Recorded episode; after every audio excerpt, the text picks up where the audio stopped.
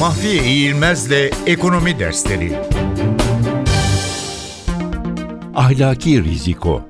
Ahlaki riziko ya da ahlaki tehlike karşılıklı bir ilişkide iki tarafın birbiriyle aynı bilgilere sahip olmaması halinde daha fazla bilgiye sahip olanın üstünlük elde etmesini ifade etmek için kullanılıyor.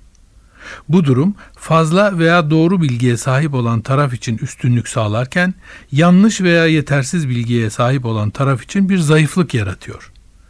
Ahlaki tehlike Türkiye'de 1994 yılında yaşanan bankacılık krizinden sonra uygulanmaya başlanan mevduata sınırsız güvence sistemiyle ortaya çıktı. Mevduat sahipleri sınırsız mevduat sigortası sisteminde mevduatlarının %100 devlet güvencesinde olduğunu bildiklerinden yüksek faiz getirisi beklentisiyle iyi kötü banka ayrımı yapmadan mevduatlarını yüksek riskli bankalara yönlendirdiler. Bu durum bankacılık sektörünün sistemik risk faktörlerine duyarlılığını arttırdı. Bu gelişme 2001 yılında bankacılık sektöründe yaşanan krizin en önemli nedenlerinden birisini oluşturdu.